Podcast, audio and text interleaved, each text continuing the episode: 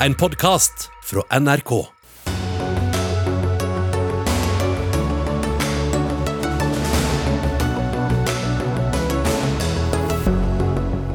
To år siden terrorangrepet mot Al-Noor-moskeen i Bærum. Vi er fortsatt redde, sier muslimer i Norge. Lærere sliter med å få yrkesskadeerstatning når de blir smitta av korona. Vi blir ikke prioritert, mener ungdomsskolelærer som selv ble syk.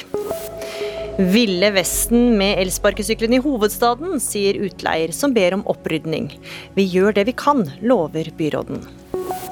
Og i slutten av september blir det slutt på koronatiltak, og vi kan leve som normalt, varsler helseministeren, som kommer hit til oss. Ja, du hører eller ser på Dagsnytt 18 i studio denne tirsdagen, Gry Veiby. Og den neste timen skal vi også snakke om likestilling i monarkiet og legemiddelmangelen.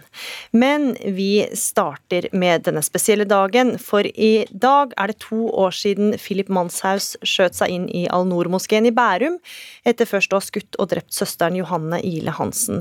Og akkurat nå klokka seks så starta minnemarkeringen i moskeen, og der er du reporter Johanna Hauge. Hva skjer der nå? Her i Al-Noor-moskeen på Skue i Bærum så starter minnemarkeringen hvert øyeblikk. Det vi vet at skal skje, er at eh, Johanne vil hedres med ett minutts stillhet. I tillegg så vil det være koranopplesning og taler fra flere statsråder. Og Wahid, du er talsperson for Al-Noor-moskeen. Hvordan har årene etter hendelsen vært? De har jo selvfølgelig vært eh, preget av eh, både redsel og frykt. Eh, vi har fortsatt en del medlemmer som kvier seg for å komme tilbake. I tillegg til så har det vært en del snakk om altså høyreekstremisme i media blant myndighetene. Hvor man snakker om hvem er det som har hovedansvaret for dette. her. Vi mener at i stedet for å diskutere hvem som har hovedansvaret, så bør vi heller stå sammen om dette her og bekjempe dette her sammen. Det tror jeg er viktig. Eh, I tillegg til det så er jo det fortsatt barn eh, i moskeen som eh, stiller de samme spørsmålene. PST har jo kommet med sin trusselvurdering, hvor de også mener at høyreekstremisme er i vekst. Og det er selvfølgelig en ting som skremmer våre medlemmer. Takk til deg, Wahid. Og mens eh, denne minnemarkeringen nå snart skal starte, så skal vi snakke litt mer om temaet her i Dagsnytt 18. Og Mustafa Mahmoud, du er informasjonsansvarlig i Islamsk Råd Norge. Du hører her at eh, mange i denne moskeen er redde. Hva forteller medlemmene deres dere? Det er jo det samme vi hører fra medlemmene våre også. Eh, at det er folk som er redde for sikkerhetstiltak i, i moskeen. Eh, og, og at, eh, at, barn er, er, redde for å komme til, til moskeen, som, som Wahid var inne på, eh, stiller spørsmålene.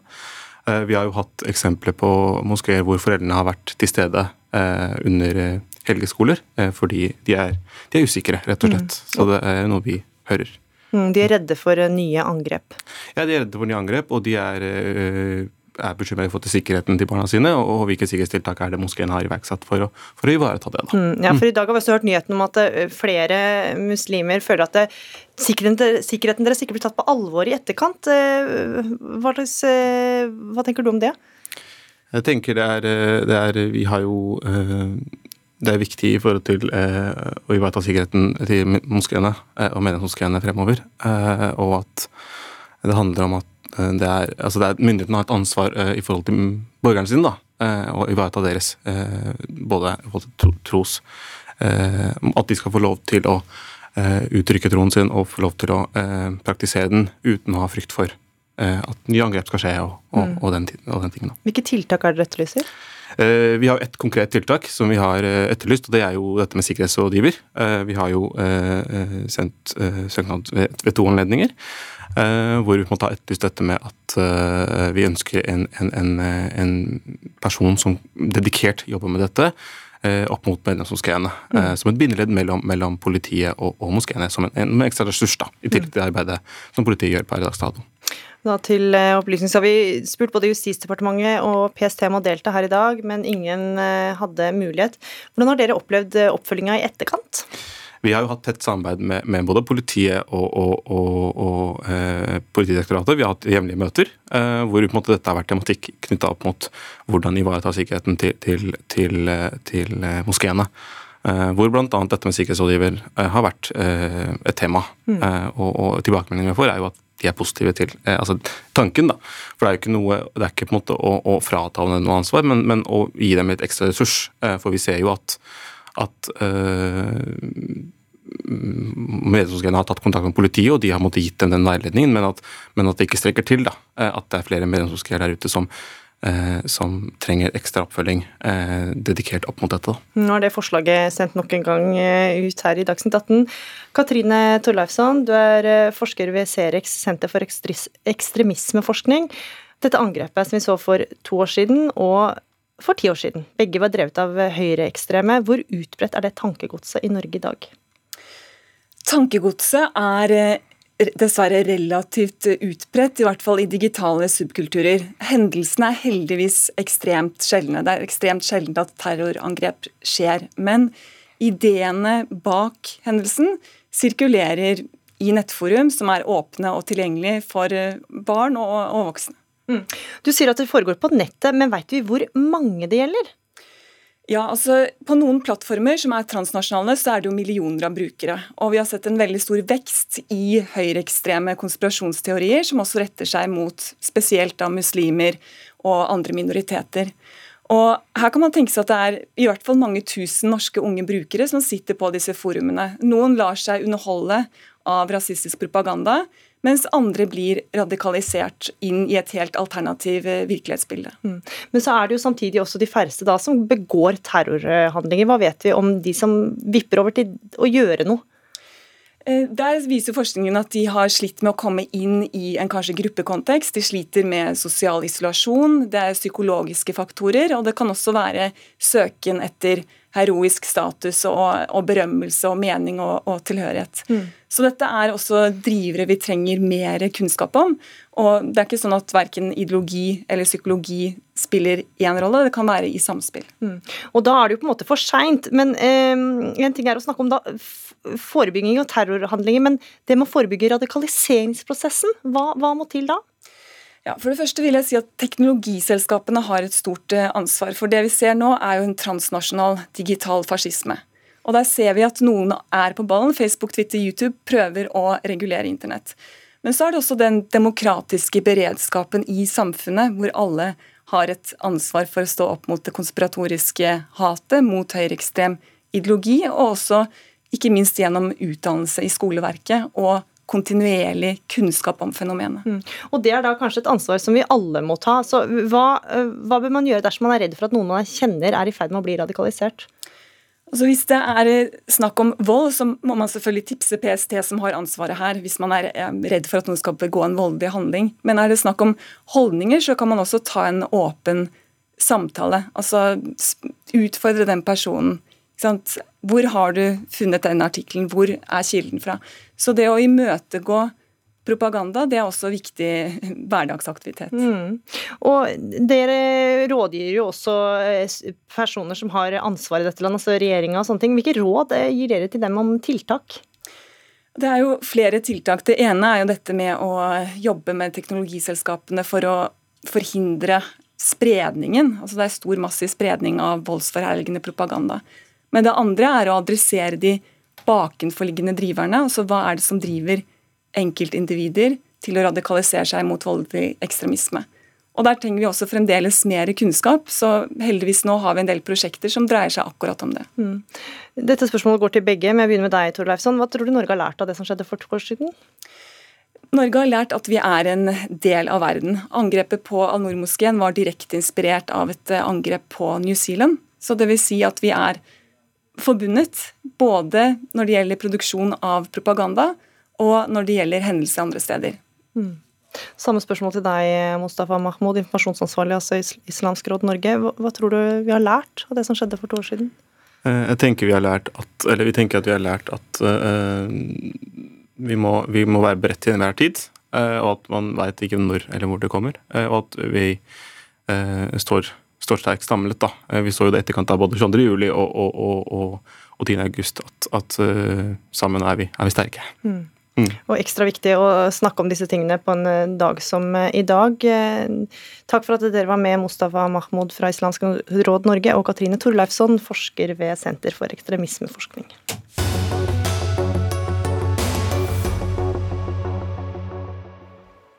Nå skal det handle om yrkesskadeerstatning etter koronasmitte. Og mer spesifikt så skal det handle om lærere. Nylig ble det kjent at eh, barn ikke lenger må i smittekarantene så lenge de tester seg, og fortsatt er mange lærere ikke fullvaksinerte før skolestart eh, til uka.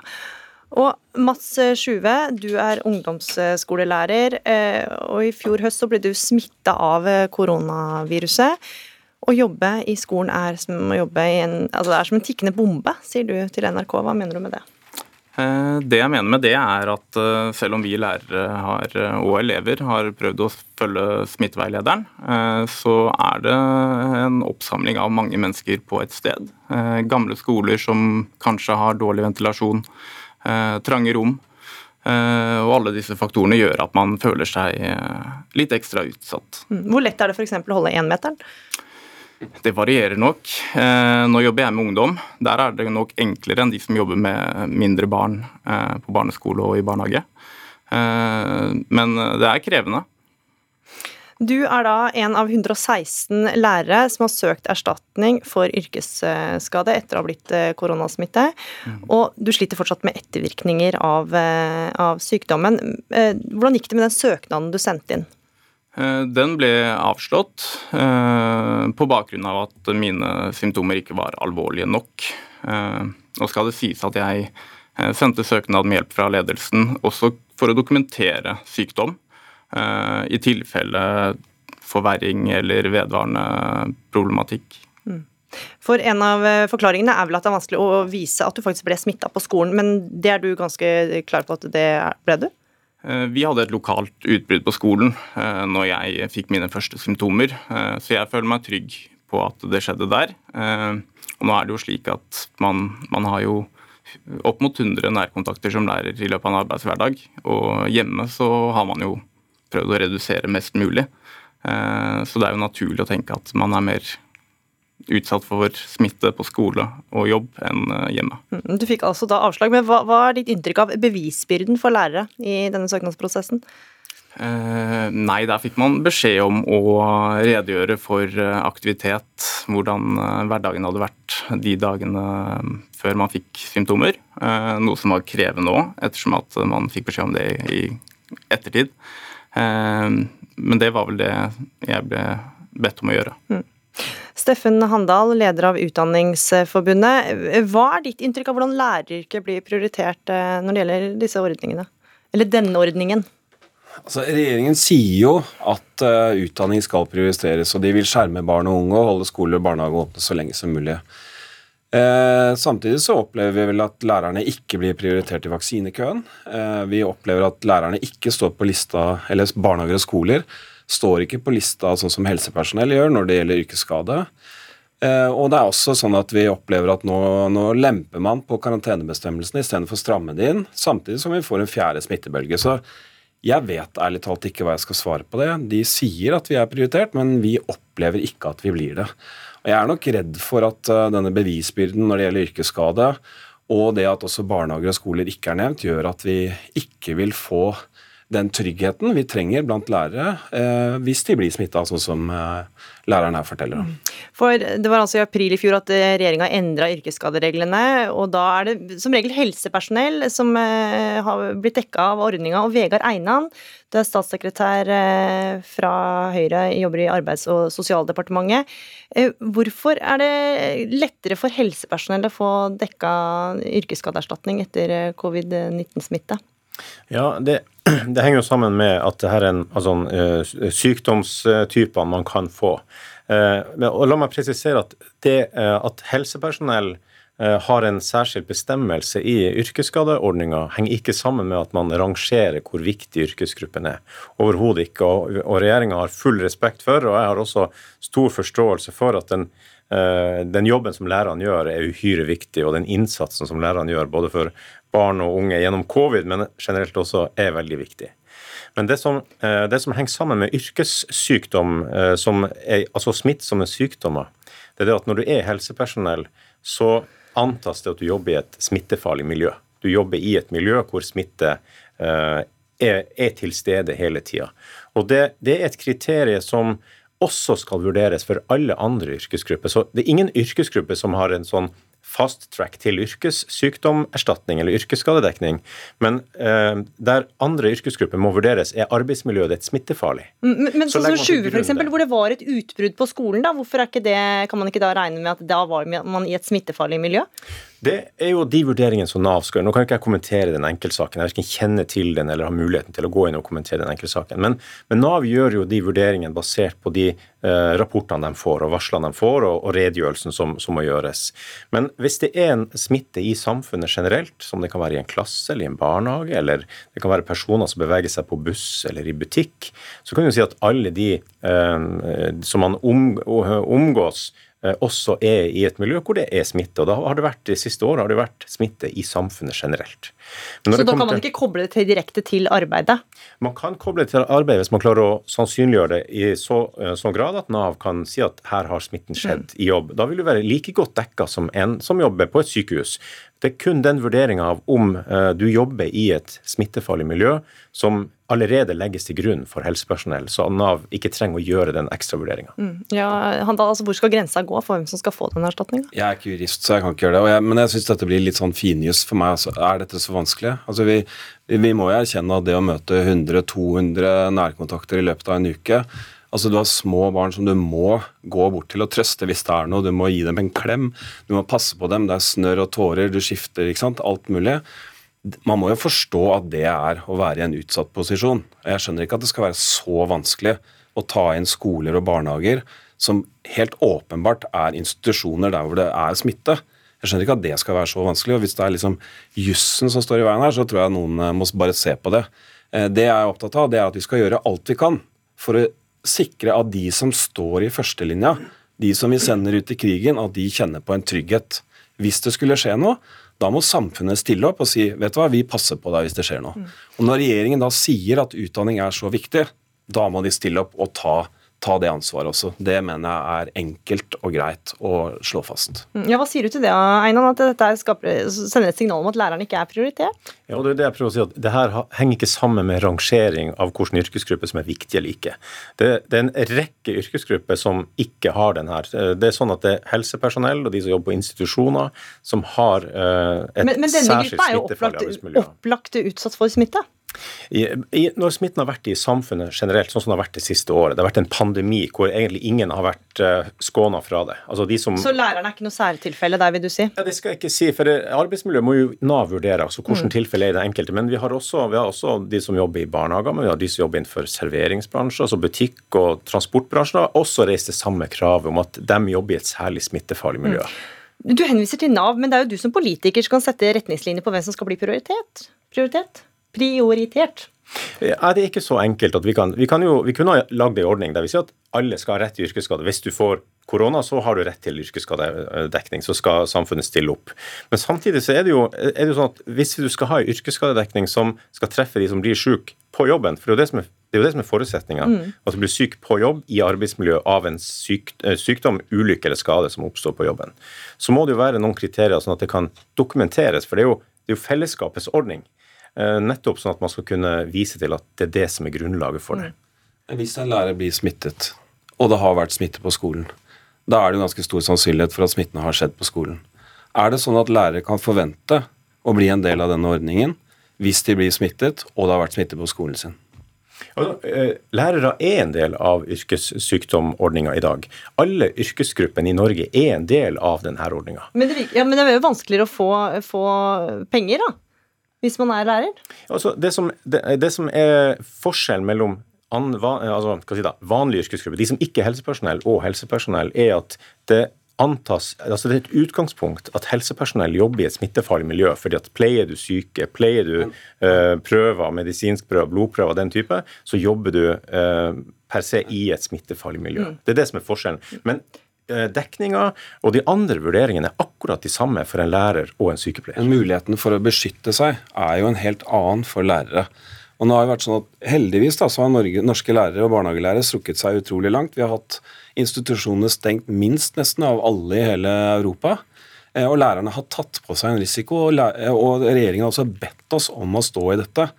Jeg skjønner ikke at det skal være så vanskelig da, å liksom stille opp og si hvis det skjer noe, så tar vi regninga. Null problem, liksom. Mm. Så enkelt er dette, altså. Mats Sjuve, tidligere nevnt, så du er altså ikke helt tilbake til normalen. Men hva har det betydd for deg å ha fått denne yrkesskadeerstatninga? Um, som sagt så er det, var jo når jeg søkte tanken på forverring eller vedvarende symptomer. Uh, så det er jo først når man uh, ikke føler at man kan jobbe 100 at uh, man ønsker et sikkerhetsnett bak seg hvis det blir så ille. og det hadde betydd mye. Det hadde vært en sikkerhet hvis man visste at man hadde det. Mm. Det er jo, altså Av de nesten i underkant av 2500 arbeidstakere som har meldt inn eh, covid som yrkesskade siden i fjor, så er det syv av ti av de som jobber innenfor helsesektoren. Eh, og Det mener jeg det peker på at, eh, at innramminga, eller den, den forutsetninga, egentlig er, er rett innretta fordi at helsepersonell er i et så stort overtall av de som meldes inn. Nei, Det betyr bare at siden helsepersonell er spesielt nevnt, så skjønner de at denne ordningen er for oss når ikke skole og barnehage er nevnt spesielt, så oppfatter ikke lærerne og barnehagelærerne det signalet.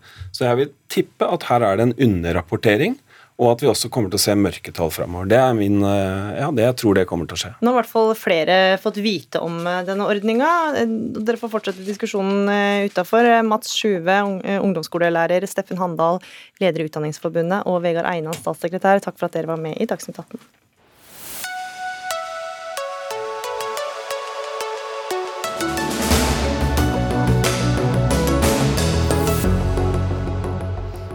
Vi har hørt det før, og vi får høre det igjen. I Norge er det blitt en utfordring at medisiner ikke blir levert til apotek og sykehus som normalt.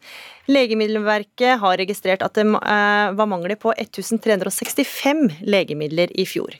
Og fire av ti har opplevd at det er tomt på apoteket for medisinen de trenger. Og Inger eh, Lise Blyverket, du er direktør i Forbrukerrådet. Dere har engasjert i denne saken i flere omganger. Hvilke utfordringer gir det da norske forbrukere at det mangler på legemidler? Det er klart det er en, en, eh, veldig stor belastning dersom du er avhengig av medisiner, enten på varig basis fordi du har en kronisk sykdom, eller fordi du har opplevd en akutt skade eller er akutt syk. Det er ingen tvil om at vi blir ekstra sårbare når noe som er så viktig for oss, øh, blir vanskelig å få tak i. Uh, og når det er så mange som opplever dette, så betyr det mye stress, mye uro, mye engstelse. Det kan også bety dårligere helse, selvfølgelig. Og det kan i, i verste fall også bety at folk ø, blir syke og ikke kan være på jobb. Uh, men det er klart at det er et ganske komplekst problem, dette her. Og det at vi opplever i økende grad medisinmangel fra 2018 til 2020, så er det altså en dobling i rapporterte tilfeller på medisinmangel. Det løses jo ikke på en enkel måte. Men det vi Forbrukerrådet er veldig opptatt av, er at det vi kan løse, det må vi løse. Mm. Og en av de tingene som ikke er løst i dag, det er at du som Eh, forbruker og innbygger har enkel tilgang til å vite på hvilket apotek medisinen din faktisk er tilgjengelig mm. når vi har den. Og Vi sitter jo her med to politikere. Hvilke utfordringer har du til dem? Ja, jeg er jo opptatt av at politikerne skal ta denne utfordringen på alvor. og Det er nok behov for å utrede både konkurransesituasjonen i apotekbransjen og finne ut mer om på hvilken måte nettapotekenes inntreden kan utnyttes og brukes på en god måte. Og selvfølgelig se på internasjonalt samarbeid.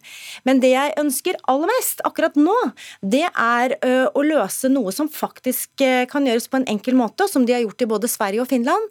Og det er å sørge for at eh, informasjon om hvor medisinen din er å finne, gjøres tilgjengelig for alle, samlet på ett sted, eh, helt uavhengig av apotekkjede eller apotekansattes eh, velvillighet. At det rett og slett finnes en database, som de gjør i, i Sverige bl.a. Sveinung Stensland, stortingsrepresentant, du representerer regjeringspartiet Høyre. Du er med oss fra Haugesund. Hvor utfordrende er det at mange typer medisiner er, ikke er tilgjengelige, mener du? Det er jo krevende.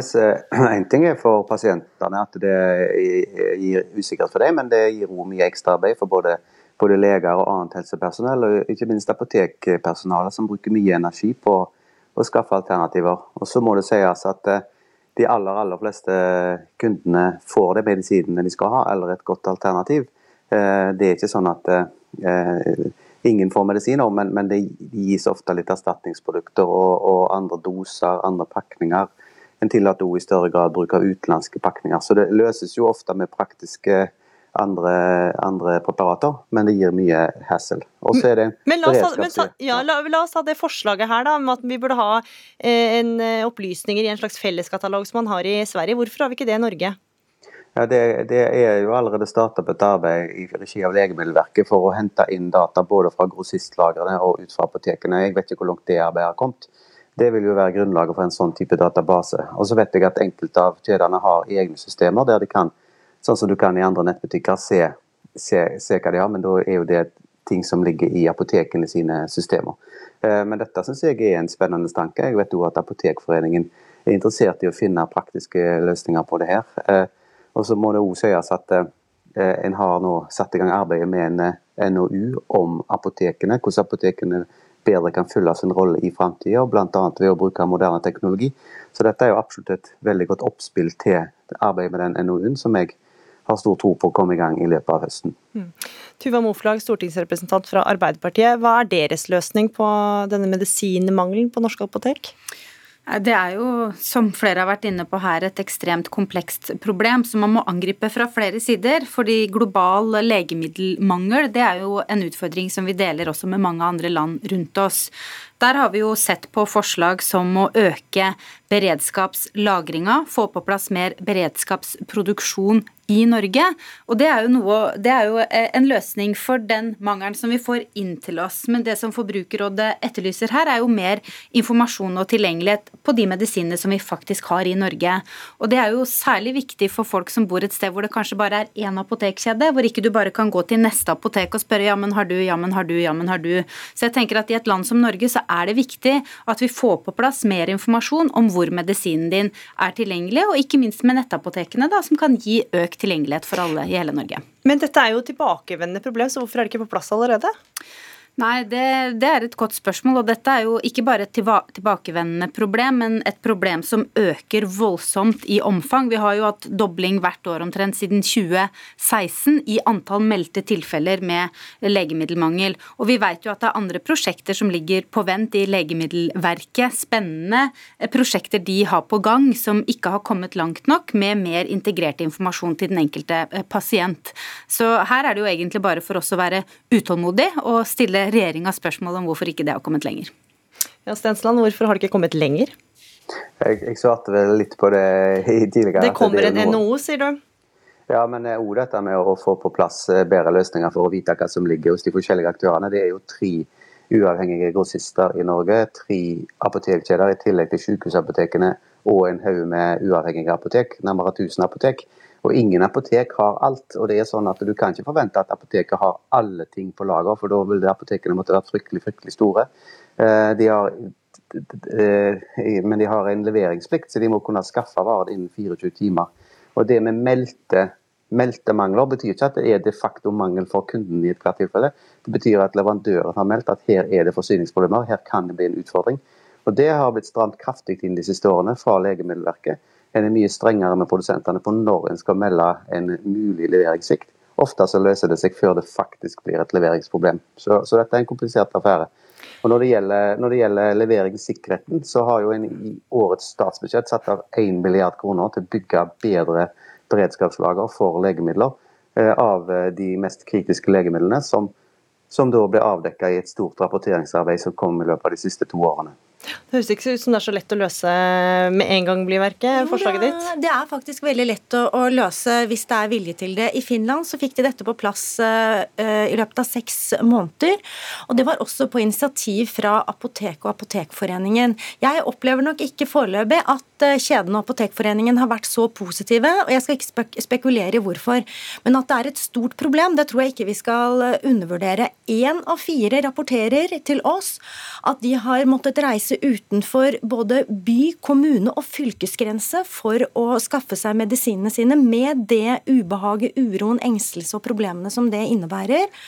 Og dette her er altså ikke eh, nødvendigvis enkle reseptfrie medisiner. Det er stort sett medisiner man får på resept for alvorlige lidelser. Både psykosomatiske lidelser, men også alvorlige kroniske lidelser som kreft, hjerte-karsykdommer, diabetes osv. Men, men samtidig så er jo medisinmangel eh, også internasjonalt. Så hvor lett er, er det altså, her i Norge, når det, er, faktisk mangler internasjonalt for flere enn bare oss, så er det jo ikke bare å få tak i over natta?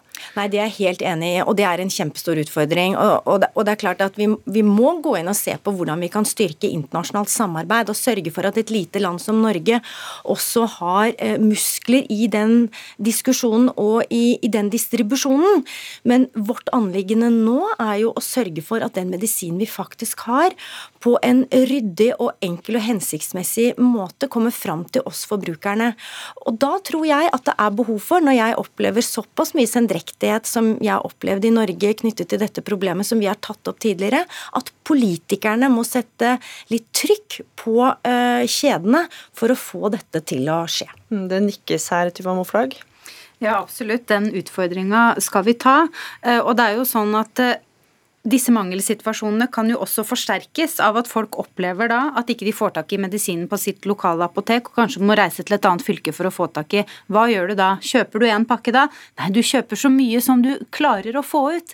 Og da vil jo det også bidra til å kanskje forsterke situasjonen, sånn at den neste kunden som kommer inn på det apoteket og bor der til vanlig, ikke får tak i sin medisin. Så det er jo viktig at denne kunnskapen er tilgjengelig, sånn at vi også får satt inn rasjonering så tidlig som mulig hvis det er nødvendig, sånn at vi sikrer at medisinen blir så rettferdig som mulig distribuert hvis det er en de facto mangelsituasjon. For det er jo som Sveinung Stensland sier, at en del av disse varslene kan jo løse seg ganske raskt, men det kan allikevel skape ganske mye uro og føre til hamstring, og det er for mange også en stor økonomisk kostnad. Fordi mange går på dyre medisiner og har egentlig ikke råd til å hamstre, men føler seg tvunget til å gjøre det likevel. Mm. Og så er det et forslag som alltid kommer opp når vi snakker om dette her, nemlig forslag om å bygge opp et statlig selskap som skal sørge for nasjonal egenproduksjon av legemidler i Norge. og Det har både Arbeiderpartiet og Høyre stemt imot. og Sveinung Stensland, hvorfor er det en dårlig idé? Eh, det er mange grunner til det. Eh, det er få eksempler på land som har lykkes med statlig produksjon av legemidler.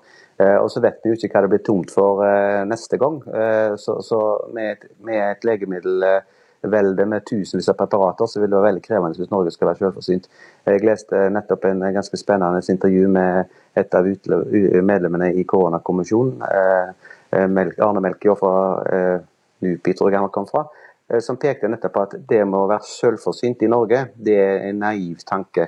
Det det må handle om, er best mulig utnytte godt samarbeid i Europa, sånn som vi nå ser med vaksine og, og vaksineavtalene i Europa Sånn kan vi lykkes som en del av et større marked. Og Så må vi jobbe for at mer produksjon flyttes til vår del av verden. Det produseres veldig mye legemidler i Europa og i USA, men noen av de billigste produktene produseres i, i, til en viss grad bare i Asia. Og mange av mangel, eh, mangeleksemplene vi har, er billige kopiprodukter. Det er svært få produsenter, fordi det er så lave marginer, såpass eh, rimelige legemidler, og det er, der, det er, der, det er mest mangel. Det er ikke på de mest kostbare legemidlene. Så til det med hamstring, så er det sånn at på blå resept så får du ikke for mer enn tre måneder. Sånt er, er regelverket. og Der har vi gode mekanismer. Vi har også innført eh, forskriftshjemler for å innføre rasjonering, og det ble gjort i fjor et par ganger eh, i starten på korona. der enkelte opplevde litt det Tuva Moflag beskriver, at de kjøpte, kjøpte mer enn de kanskje trengte. Mm. Ja, Arbeiderpartiet har jo i likhet med Høyre stemt nei til et statlig farmasiselskap, men vi har sagt ja til at vi ønsker en nasjonal farmasisatsing, gjerne i samarbeid mellom staten og private aktører i Norge. Så vi er liksom på en sånn gyllen middelvei der, for vi mener at vi kan ha, ta en større rolle i både produksjon av, um, av, legemidler og vaksiner i Norge. For en del av disse virkestoffene som er viktig i mange typer medisin, produseres i Kina og India og er ekstremt sårbart. Vi ser jo bare med den sommeren vi har hatt med alle disse store naturkatastrofene, eh, ekstremværet. Det gjør oss også sårbare på helsesida, fordi det kan føre til at vi ikke får tak i de innsatsfaktorene som vi trenger i medisin. Hvis, jeg, hvis jeg får lov, så har jo jeg selv tatt ordet for en ordning der vi kjøper inn virkestoffer og har på lager, og har eh, ferdige avtaler med norske produsenter som kan lage basert på de mest kritiske legemidlene. Det kan være typisk antibiotika, enkelte smertestillende, narkosemidler. Hvis det blir en global eh, situasjon som er kritisk, så kan vi starte egenproduksjon av det basert på at vi har råstoffene. Og Det var jo en av de mangelsituasjonene vi hadde i fjor. Norge måtte jo hjelpe Sverige i deres verste koronabølger med narkosemidler til pasienter som lå på respirator i Sverige. Så da var det kritisk mangel i absolutt hele verden. Og det er jo det som eh, vi har grunn til å frykte eh, neste gang det måtte komme en pandemi. Direktør i Forbrukerrådet Inger Lise Blyverk, når du hørte hørt politikerne fra styringspartiene snakke, er du beroliga?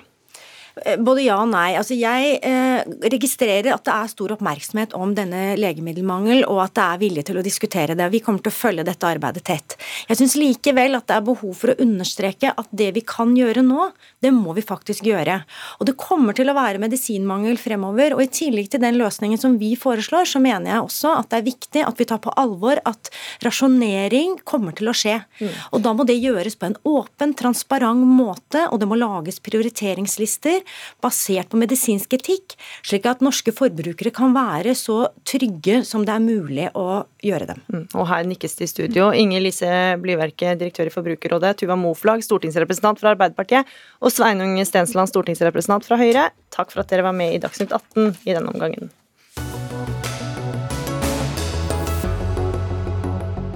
Ah, ja, om du ikke visste det, så hører du eller ser du på Dagsnytt 18, der det både skal handle om kongelige og elsparkesykler eh, fram til klokka sju. Men nå til noe helt annet, eh, for i slutten av september skal vi kunne vende tilbake til normalen. Til tross for stigende smitte og en varsla fjerdebølge skal vi altså ganske snart kunne klemme, danse sammen og ikke lenger tenke på hvor langt vi står fra andre som ikke er i samme kohort. Bent Høie, helse- og omsorgsminister, dette sa du til VG for noen timer siden. Hvordan har dere kommet fram til denne datoen, eller i slutten av september? Ja, Det er jo rett og slett eh, handler om fremdriften nå i vaksineringen. Nå har vi fått tak i flere vaksiner. og Det betyr at eh, Innen utgaven av september så vil eh, de fleste over 18 år i Norge ha fått muligheten til å få en dose to og fått beskyttelsen som det gir etter en uke. Og Da er vi i en situasjon der eh, vi må eh, begynne å leve med dette viruset i samfunnet vårt. For det vil ikke forsvinne. Det vil være folk som blir alvorlig syke. Noen vil òg dø av covid-19 etter det. Men eh, som samfunn så må vi da leve med denne sykdommen, sånn som vi lever med andre eh, sykdommer. Men, men, samtidig som eh, du sier dette, så har eh, FHI, altså Folkehelseinstituttet, de siste ukene meldt om en markant økning i smittetilfeller, hele 45% i uke 30. Og i dag så meldes det om 103 nye koronatilfeller i Bergen. Hvordan kan du allikevel være sikker på at denne fasen nærmer seg slutten? Ja, Sikker er vi aldri, men dette er det vi mener er det mest sannsynlige akkurat nå. Og så er jo nettopp Noe av det andre budskapet som jeg hadde, var at nettopp pga. det, så er det òg gjerne grunn til nå å vente litt med ytterligere eh, åpninger i samfunnet vårt. For vi ser nå økt smitte. Smitten kommer til å øke eh, mer de neste ukene. Og eh, i løpet av en tre ukers tid så vil alle voksne i Norge over 18 år ha fått eh, beskyttelse mot en alvorlig sykdom og død gjennom første dosen og tre uker. Så da bør vi kanskje nå prøve å være litt forsiktige de neste ukene, men da med eh, en veldig eh, god framtidsutsikt mot slutten av september. Og, det, og, vi jobber jo for å få tak i enda mer vaksiner, og da kan det gå noe raskere. Vi hører jo folk blir lei av disse smittetiltakene. Er dette en slags gulrot for å få folk til å holde ut det siste stykket nå? Eh, ja, nå er det nok sånn at eh, jeg, jeg, veldig mange opplever nok nå at vi gradvis har gått mot en normal hverdag. Og, Men vi må jo holde ut litt lenger, sier du? Vi må holde litt lenger, og mm. ikke minst er det jo meteren som er eh, vanskelig for mange, eh, og som er krevende. Og den er ekstra krevende nå når vi begynner å møte med folk, men den er viktig. Så det som er nå eh, litt sånn Ja, eh, det er en liten motivasjon dette til å tenke at de grunnleggende smittetiltakene er kanskje nå ekstra viktige holde avstanden, være hjemme hvis du er syk, eh, teste deg. Og hvis du har fått én dose, men har symptomer, så er du fortsatt i en situasjon der du kan være smitta og kan smitte andre. Så det er kanskje en av de tingene som vi nå må liksom jobbe sammen med de siste ukene. Men, men kan, det kan jo være at vi må stenge ned igjen, og, og det ganske raskt. Det, hvor lurt er det å sende et signal nå, da? Ja, Nå regner vi nok som relativt lite sannsynlig at vi må stenge ned igjen nasjonalt. Eh, lokalt, der en har større utbrudd, så kan det godt tenkes at en kommer med lokale tiltak nå. fordi at F.eks. hvis den lokale smittesporingen presses, at de eh, ikke har kapasitet til det, så er det sånn at de neste neste måned så må en òg eh, kunne stenge ned lokalt hvis det er behov for det. Men nasjonalt er det nå lite sannsynlig. Og det sier han jo nå med ganske høye smittetall. Hadde dette vært i fjor, så hadde jo jeg hatt pressekonferanse og kommet med veldig inngripende tiltak for flere uh, uker siden.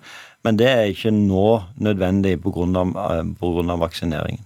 Men hva vil du si til dem som nå hører dette her og tenker at dette var en svært beleilig nyhet eh, rett før valget? Ja, Det er rett og slett at vi styrer ikke etter valg eller datoer. Eh, det er data som gjør dette. og Dataene forteller oss nå at det er mot slutten av september at vi kan ha kommet så langt i vaksineringen. Og Så er det jo én X-faktor eh, som vi ikke må glemme, og det er at eh, eh, pandemien er ikke over før den er over i hele verden. Og i resten av verden så er den jo ikke det. Og Det betyr at eh, det kan oppstå nye mutasjoner ute i verden som eh, vaksinene som vi bruker nå, ikke beskytter godt nok mot. Og da kan det igjen bli behov for tiltak. Eh, så Derfor så sier vi at vi skal over i en normal hverdag. Men vi som myndighet vi skal ha økt beredskap, fordi vi er i en internasjonal pandemi fortsatt. Men hvordan er det for dem som har familie i utlandet f.eks.? Hvordan vil dette påvirke dem, og som vil komme inn i landet? Ja, Det vil jo variere. Det vil jo òg bli lettelser på innreise, men det er jo nettopp noe av det som er pga. Eh, risikoen for nye mutasjoner, så kan det jo tenkes at vi selv i en situasjon der vi er en normal hverdag, må ha ulike kontrolltiltak òg eh, knytta til reising. Eh, fordi hvis vi er bekymra for, for, for, nye mutasjoner, og for overvåkingens skyld knytta til til importer av mutasjoner. Men det er noe som ikke har konkludert på, på ennå. Men det vil uansett òg bli lettelser i, i reiserestriksjoner. Fordi at vi har jo da en beskyttelse i befolkningen gjennom vaksinen. Og dette er jo takket være den høye oppslutningen som vi har i Norge rundt vaksinering. Og dette er jo da annerledeslandet Norge. Men eh, hva kan du si om resten av Europa? Når kan vi begynne å reise igjen? Ja, Resten av Europa nå så er det jo sånn at hvis du er eh, fullvaksinert, så, så, er, så, kan du reise med vaksinepasset i, i, Europa. Og så er det jo, Der er en jo da avhengig av smitteutviklingen. Men det er klart at mange land i Europa har jo nå utfordringer med å få den samme oppslutningen om vaksinene som det vi gjør. og Det betyr at de opplever jo at denne nye bølgen den slår eh, kraftigere. og Da betyr det jo òg at de innføres tiltak. så det er klart at det å reise til Syden hvis det ikke er lov å spille høy musikk og barene stenger klokken åtte, så er det jo ikke så interessant.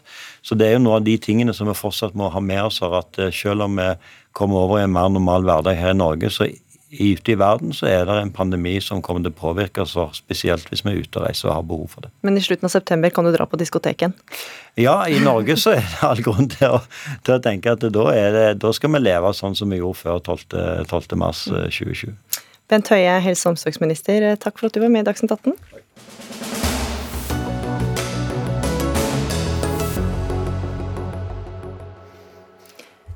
Noen elsker dem, men eh, noen blir sinna bare av synet, og de blir stadig flere, og de sprer seg over større områder. Jeg snakker selvsagt om elsparkesykkelen, som man ofte finner henslengt rundt omkring i de store byen, byene. Men i hovedstaden så skal antallet elsparkesykler nå drastisk ned. Fra dagens 25 000 til 8000. Og Kristina Moe Gjerde, du er norgessjef i Voi. Dere ønsker dette strenge regelverket velkommen. Dere har etter, etterspurt dette lenge, men dere er allikevel ikke fornøyd. Hvorfor ikke?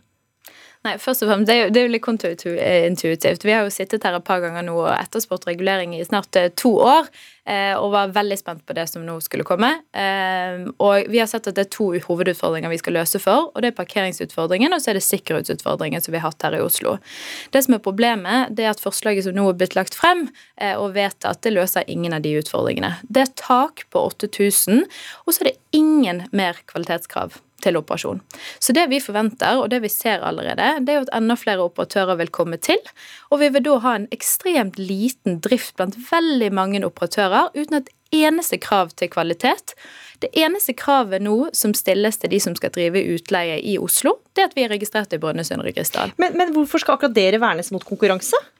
Konkurranse er kjempebra, og konkurranse er det vi etterspør. Men vi ønsker det gjennom en tillatelses- eller en anbudsordning.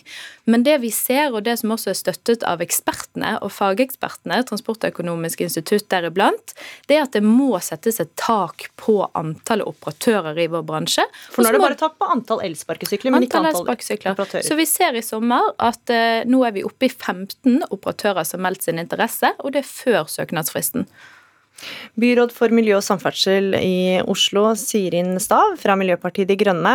Hvordan vil denne reduksjonen i elsparkesykler nå hjelpe til med dette kaoset som mange vil beskrive situasjonen i hovedstaden som? Ja, De siste eh, årene har vi virkelig hatt et kaos i Oslo med elsparkesykler eh, nærmest henslengt eh, i gatene. og det har vært en uholdbar situasjon for eh, ganske mange som har følt seg utrygge i, eh, i gatene, spesielt da for svaksynte og rullestolbrukere og eldre. Det har ikke vært en situasjon vi kan se oss fornøyd med, og vi har derfor vært veldig tydelige på at vi har ønsket oss en hjemmel til lokal regulering siden disse elsparkesyklene kom, og har anmodet regjering og storting om det lenge de har somla i tre år. og MDG fremmet jo forslag allerede i 2019 om å få lokal hjemmel til regulering. Det fikk vi ikke, det lyttet de ikke til. Heldigvis har de kommet på bedre tanker nå. Eh, men det er altså så sent som 18.6 i år at Stortinget eh, vedtok en lov som gir Oslo kommune og andre eh, byer og kommuner hjemmel til å innføre lokal regulering. Og vi har sett oss tjent med, nødt til, mener jeg, i den situasjonen nå, med 25 000 elsparkesykler i Oslo, i en liten by. altså bare for å sette det i kontekst, Paris, 12 millioner innbyggere, har 15 000. Vi er det høyeste nivået av antall relativt innbyggere i hele Europa. Eh, vi måtte ta kontroll av den situasjonen så fort som overhodet mulig. Og da hadde vi rett og slett ikke tid til nå å, å, vurdere konkurransekriterier for å redusere antall aktører. Og vi har faktisk ikke hjemmel til å innføre anbudskonkurranse, som eh, Voi hevder. Det vi har hjemmel til, er å regulere eh, antallet elsparkesykler, stille krav til bruk og utleie, men òg å regulere aktører. Eh, som er noe litt annet. Som er eh, ingen av de delene mm. dere nå har gjort. Men vi, har, vi, vi, vi, er helt ærlige på at vi må justere nå og se hvordan dette fungerer. Vi har måttet jobbe i ekspressfart for å få på plass en lokal regulering så fort som mulig. Det er en helt uholdbar situasjon vi har hatt nå, hvor det har vært over, godt over to, uh, 1000 uh, ulykker med elsparkesykler. Mange svært alvorlige. Og legevakta det, har måttet oppjustere antallet personer på jobb fordi det har vært så mange ulykker. Det er ikke hverdagskost at mm. Oslo universitetssykehus går ut og har en pressekonferanse for å å mm. anmode om at man regulerer nattestenger, mm. og reduserer også antallet. Ja, Gjerde, altså, hvilket ansvar har egentlig byråden hatt? da? De har jo ikke hatt mulighet til å regulere dette her før, rett før sommeren. Ja, men så stemmer ikke det helt. sant? Formelt sett så er det helt riktig. 19.6 så ble det stemt gjennom at nå har man mulighet til en tillatelsesordning som du sier begrenser også antallet operatører og stiller kvalitetskrav til bransjen, som bare skulle mangle. Men det er ikke stemt gjennom i dette forslaget som nå fremlegges. Når det er sagt, så er jeg ganske overrasket over at MDG er overrasket over at det finnes 25 000 sparkesykler i Oslo, i et uregulert marked, og en by der det faktisk er nesten umulig å ta seg rundt med bil, og en by der man faktisk ønsker å ta i bruk mikromobilitet. Oslo er også på toppen i Europa når det kommer til bruk av mikromobilitet, som jeg hadde håpet og trodd at egentlig MDG skulle juble over. På en enkelt dag i Oslo, der det er 700 000 innbyggere, så er det 200 000 turer vi gjennomførte nå en spørreundersøkelse på hvor mange av de turene ble gjennomført istedenfor bruk av bil, og det var 17,8% Det betyr at hver dag så parkerer vi 40 000 biler i Oslo. Og det hadde jeg trodd også at eh, MDG mer enn noen skulle ville ønske legge til rette for. Vi tror jo at I ordnede former så kan elsparkesykler være et positivt tilbud. Men grunnen til at det er så, rekord, altså så voldsomt mange elsparkesykler i Oslo sammenlignet med de fleste andre byer, er jo at våre nasjonale myndigheter har jo sovet fullstendig i timen. Eh, andre, eh, andre, stater eh, snudde der, der kastet man seg rundt og fikk på plass lovhjemler til å regulere Eh, mye raskere. Og, og, byene fikk regulert det. Veldig mange byer har jo gått drastisk til veis. Noen har jo forbudt dem, andre har regulert dem kraftig i antall og eh, i bruk. I Oslo har det vært null regulering, fordi vi ikke har hatt den lovhjemmelen. Vi har ikke hatt muligheten til å stille krav. Eh, vi har forsøkt å få på plass en frivillig avtale. Det har ikke vært mulig å få med aktørene på. Det er noen heldigvis, som, det er noen ja. heldigvis som nå har lyttet til uh, innstendig anmodning om å nattestenge fram til disse kravene faktisk trer i kraft. Det har ikke Voi ønsket å gjøre. Det syns jeg er veldig beklagelig, når man ser den uh, urovekkende mm. skadetallene vi har i Oslo. Mm. Det kan du få svare på. Nattestengninga. Ja, først og fremst, jeg tror du vet også like godt som meg at én uh, ulykke er en ulykke for mye, og ingen ønsker ulykker. Og så er det feil å si at vi ikke har ønsket å gå med på en selvregulering. Tre ganger har bransjen forhandlet fram en selvregulering som aldri fikk en signatur av Bymiljøetaten og byrådet. Det stemmer ikke. Altså, her, jeg, her, har vi, her, her, sier du virkelig at det ikke stemmer? Ja, her har det, man jobbet med frivillige avtaler hvor det, ikke har vært, eh, hvor det har blitt avvist av aktørene. Og det har jeg, det har jeg forstått. Det, det, er jo fordi i Oslo er det veldig mange aktører, og hvis ikke alle aktørene er med på avtalen, så, så, er, så er, det ingen som er med på det. Men, men da må jeg spørre deg, da, Kristina Mo Gjerde. Altså, mm. det er mange ulykker skjer i ruspåvirka tilstand om natta, folk snubler i dem. Mm. Oslo legevakt har som sagt satt inn ekstra ressurser. Hva er deres ansvar som en stor aktør? Det vi har skrevet i den selvreguleringen på vegne av bransjen, det er flere tiltak når det kommer til parkering. Flere av de tiltakene er ryddepatruljer som er ute 24-7 og rydder sparkesykler i bybildet. Det andre er hvor mange sparkesykler vi får lov å eh, sette ut i de ulike områdene. Men hvorfor har ikke dere bare sette i gang disse tiltakene på eget initiativ? Vi har gjort det. Men så kommer du til en nå situasjon der vi er oppe i 15 aktører snart i august, begynnelsen av september. Da blir selvregulering enda vanskeligere enn det har vært til nå, når vi har vært seks til syv operatører.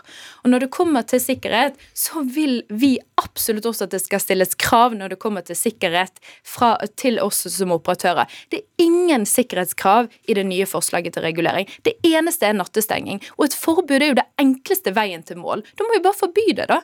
Da er det ingen ulykker, ingen turer, ingenting. Ingen parkeringsutfordringer. Men er forbud den enkle veien å gå. Heller så bør dere stille krav til oss som teknologiselskaper. Vi har nå en obligatorisk reaksjonstest. Du må gjennom på nattestid. Og det er grunnen til at vi ikke er stengt på natten, for det fins alternativer. Mm. Her har vi også valgt å lytte til helsefaglige råd, som har vært veldig tydelige på at de eh, mener vi bør nattestenge i lys av det skadeomfanget og de alvorlige skadene vi har sett. Det har vi valgt å lytte til. Det er det vi kan ha hatt muligheten til å gjøre på kort sikt. På lengre, eh, noe lengre sikt, altså til, fram til neste år, vil vi se på dette og gjerne selvfølgelig ha dialog med eh, aktørene om erfaringene med de nye, den nye forskriften som trer i kraft nå i begynnelsen av september. Og gjøre justeringer. Vi vil også se på da antall, regulere antall aktører. Um, som vi vet har, andre byer har hatt suksess med. Grunnen til at vi ikke har gjort det i første omgang, er for at da ville det tatt mye lengre tid å få på plass den lokale reguleringen. Så Det er bakgrunnen uh, for at vi ikke kunne gjøre det i denne omgang. Da hadde vi ikke fått plass på noen noe forskrift i sommer, altså på tampen av sommeren, som allerede er seint. Vi har jo bedt om dette siden 2018. Mm. Ikke blitt lyttet til av nasjonale mm. myndigheter før i år. Men det kommer til å komme flere reguleringer, og hvilke der kan dere ta utenfor studio? Sirin Stav, byråd for miljø og samferdsel i Oslo, og Kristina Mo Gjerde, norgessjef i Voi.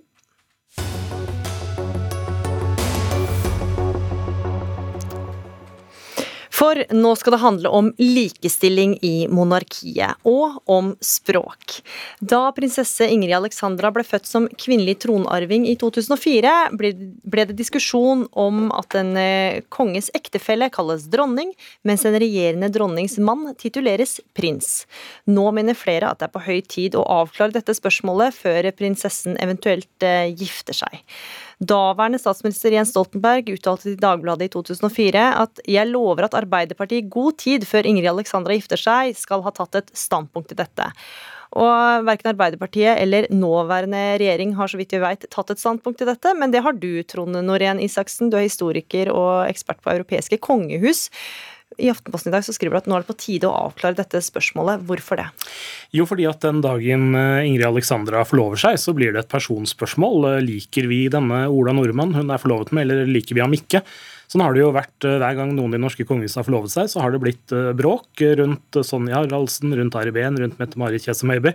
Så det er jo en fordel å ha avklart det spørsmålet mens det fortsatt er prinsipielt og ikke har blitt personlig. Men hvilken betydning har det, hva, hvilket, hva, man velger å kalle vedkommende? Det har jo ingen praktisk betydning, men det handler jo om prinsipper innenfor likestillingen. At når, en, når vi har fått likestilling i arvefølgen, så bør man også ha likestilling innenfor titlene. En regjerende konges kone er som den mest selvfølgelige ting i verden dronning. Og Når man da har likestilling i arvefølgen, så bør det også være en selvfølge at den regjerende dronningens ektemann tituleres konge. Den praktiske betydningen det er vel det at uh, når mannen har en lavere tittel, som bare prins, som er den samme tittelen som Ingrid Alexandras lillebror vil ha, så er det ikke åpenbart for hvem som helst at denne mannen faktisk har en funksjon. Uh, man vet hva en statsminister gjør, man vet hva en dronning gjør. Men prinser de finnes det haugevis av. Det er en veldig lav tittel som ikke sier noe om den funksjonen han vil ha. Og det er selvfølgelig ikke snakk om at han skal få kongemakt. Dette er jo klart regulert i Grunnloven. Det er kun tittelen som da bør likestilles for menn og for kvinner. Mm.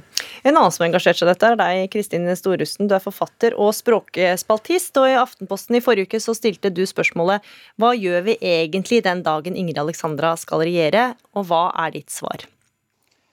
Nei, eh, jeg mener jo at dette vil jo skje i ja, sannsynligvis rundt 2060, hvis eh, faren hennes lever like lenge som eh, Hans har levd. Så jeg er jo da som jeg skriver i Spøkspalten, helt enig med Trond Norén Isaksen om at dette bør vi avklare. Og da syns jeg vi skal gå for konge, og eventuelt dronning, hvis hun da gifter seg med en kvinne. Isaksen, en, vi kaller jo også Hvordan ble det til at en dronnings gemal bare ble en prins? Jo, dette er jo en relativt uh, nymotens uh, påfunn. Den gamle europeiske tradisjonen, som går helt tilbake til korstogstida, det er at en regjerende dronnings ektemann er konge, på samme måte som en regjerende konges ektefelle er dronning. Men i 1702, eh, da dronning Anne, som kanskje folk kjenner best fra filmen The Favourite, besteg den britiske tronen, så ble hennes ektemann prins Jørgen av Danmark-Norge. Han ble ikke konge. Eh, da dronning Victoria gifta seg med prins eh, Albert i 1840, så ville hun at han skulle bli konge, og statsminister Melbourne sa liksom at oh, for God's sake, liksom, hvis parlamentet først begynner å skape konger, så kommer de også til å begynne å kvitte seg med dem. Så denne britiske unntaket, eh, altså som var et rent unntak i Storbritannia fra europeisk og fra britisk tradisjon, det ble da fulgt av Nederland og Danmark. I Norge så har vi ingen tradisjon på dette feltet, fordi vår eneste så langt regjerende dronning var enke. Eh, og Det gjør jo at eh, spørsmålet for oss er om skal vi følge den europeiske tradisjonen, eller skal vi følge det britiske unntaket. Og Når vi kommer fram til 2060, så har jeg vanskelig for å se for meg at Norge som et likestillingsland aktivt skal velge en ordning hvor man forskjellsbehandler utelukkende på basis av kjønn. Hmm. Men det er jo eh, spesielt eh, kongelige vi snakker om, og der, der, er det jo spesielt Kristin Storødsen. Hvordan vil du beskrive likestillinga i, i det norske kongehuset? Nei, jeg kan ikke si så mye internt, men det har jo skjedd en helt utrolig endring, særlig med da dronning Sonja kom inn. Eh, da hun kom inn i kongehuset, så var det to enkemenn som hadde sittet der lenge. Eh, hun måtte kreve retten sin til å få et eget kontor. Hun har også snakket mye om hvordan hun har kjempet for å få et altså Før så var det dameprogram ved statsbesøk, at de ble satt til å se på mer irrelevante ting enn det menn gjør. Så det er jo ikke tvil om at hun har eh, hun og også apparatet rundt, Harald og de som jobber der, har gjort mye. Nå er det kvinnelig stabssjef eller hoffsjef. Ehm, og de ønsker det. Og så er det jo slik at kongehuset i Norge har jo ikke makt. Eh, de kan jo ikke si til oss andre hva vi skal gjøre. Men kongehuset har en stor påvirkningskraft. og Derfor mener jeg at det faktisk kan være ganske viktig ved at de viser i praksis at og nå, nå, handler det egentlig om å si tydelig fra. Ja, vi skal ha likestilling akkurat på det feltet. Hmm. Trond Norén Isaksen, eh, framtidas europeiske monarkier vil få en rekke regjerende dronninger, så hun blir jo ikke alene? Nei, når Ingrid Alexandra blir dronning, så er jo regjerende dronninger normen i Europa. Fem av sju europeiske kongedømmer har kvinnelige tronarvinger i hennes generasjon. Altså Norge, Sverige, Spania, Nederland og Belgia. Regjerende konger vil bli en uvanlighet som bare finnes i Storbritannia og Danmark. Og i fremtiden, når man har nå innført likestilling i arvefølgen i alle de europeiske kongedømmene unntatt Spania, så vil man jo få røftlig 50-50% regjerende konger og regjerende dronninger. Og det er naturligvis da også et argument i seg sjøl for at man da bør ha likestilling i titlene, sånn at man ikke får den bisarre situasjonen som man har i Nederland nå, hvor dronning Beatrix var gift med prins Klaus men da hun abdiserte til fordel for sin sønn, så ble hennes sønn kong William Alexander, hans kone, ble dronning Maxima, ikke prinsesse Maxima, som hennes svigerfar hadde vært prins Klaus. Og Det er jo en helt åpenbar forskjellsbehandling, utelukkende basert på kjønn, som jeg vil tenke at er veldig unaturlig i Norge, spesielt om 40 år. Litt som om da Gro Harlem Brundtland hadde blitt statsminister i 1981 man ut fra vanetenking hadde sagt at hm, ja, men statsminister det har jo alltid vært en tittel for en mann, så Gro Harlem Brundtland skal bare titulere statsråd. Det ville vært litt av den samme tenkinga. Det skjer mye på 40 år, og jeg håper også at det skjer såpass mye på 40 år at dette er en selvfølge den dagen Ingrid Alexandra og hennes uh, jevnaldrende kvinnelige tronfølgere bestiger Europas troner. Mm, vi får se. Når vi i hvert fall løfta problemstillingen her eh, i Dagsnytt 18, så kanskje det kommer til et eh, svar, eller politikerne tar stilling til det. Kristin Storusten, forfatter og språkspaltist, og Trond Norén Isaksen, historiker, takk for at dere var med i Dagsnytt 18, som er over for denne gang. Og det, eh, det var Jaran Ree Mikkelsen som var ansvarlig for sendinga. Det tekniske ansvaret hadde Eli Kyrkjebø, og her i studio var Gry Veiby, som takker for følget.